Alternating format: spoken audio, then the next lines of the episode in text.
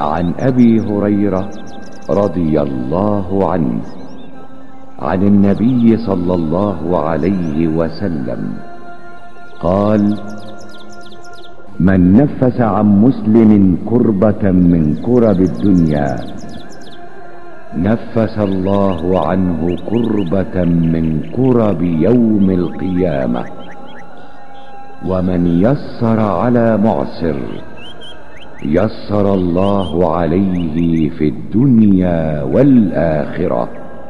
ومن ستر مسلما ستره الله في الدنيا والآخرة.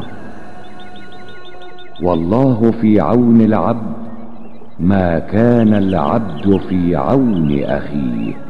ومن سلك طريقا يلتمس فيه علما سهل الله له به طريقا إلى الجنة.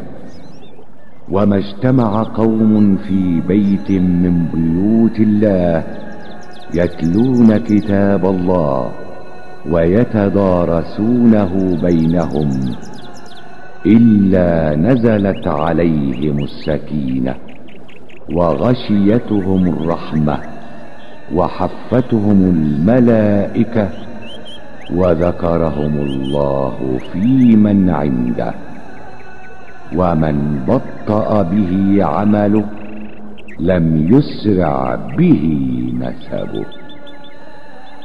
رواه مسلم بهذا اللفظ.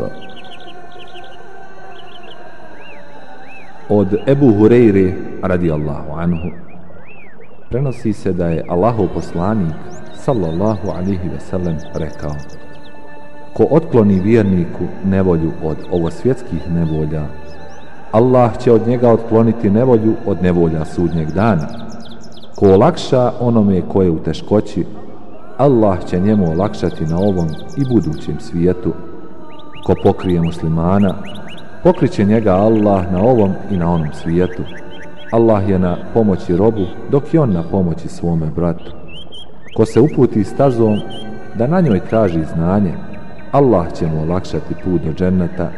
Ne sakupe se ljudi u jednoj od Allahovih kuća da čitaju Allahovu knjigu i studiraju je međusobno, a da na njih ne siđe mir i ne pokrije ih milost i okruže ih meleki i Allah ih spomene onima koji su kod njega.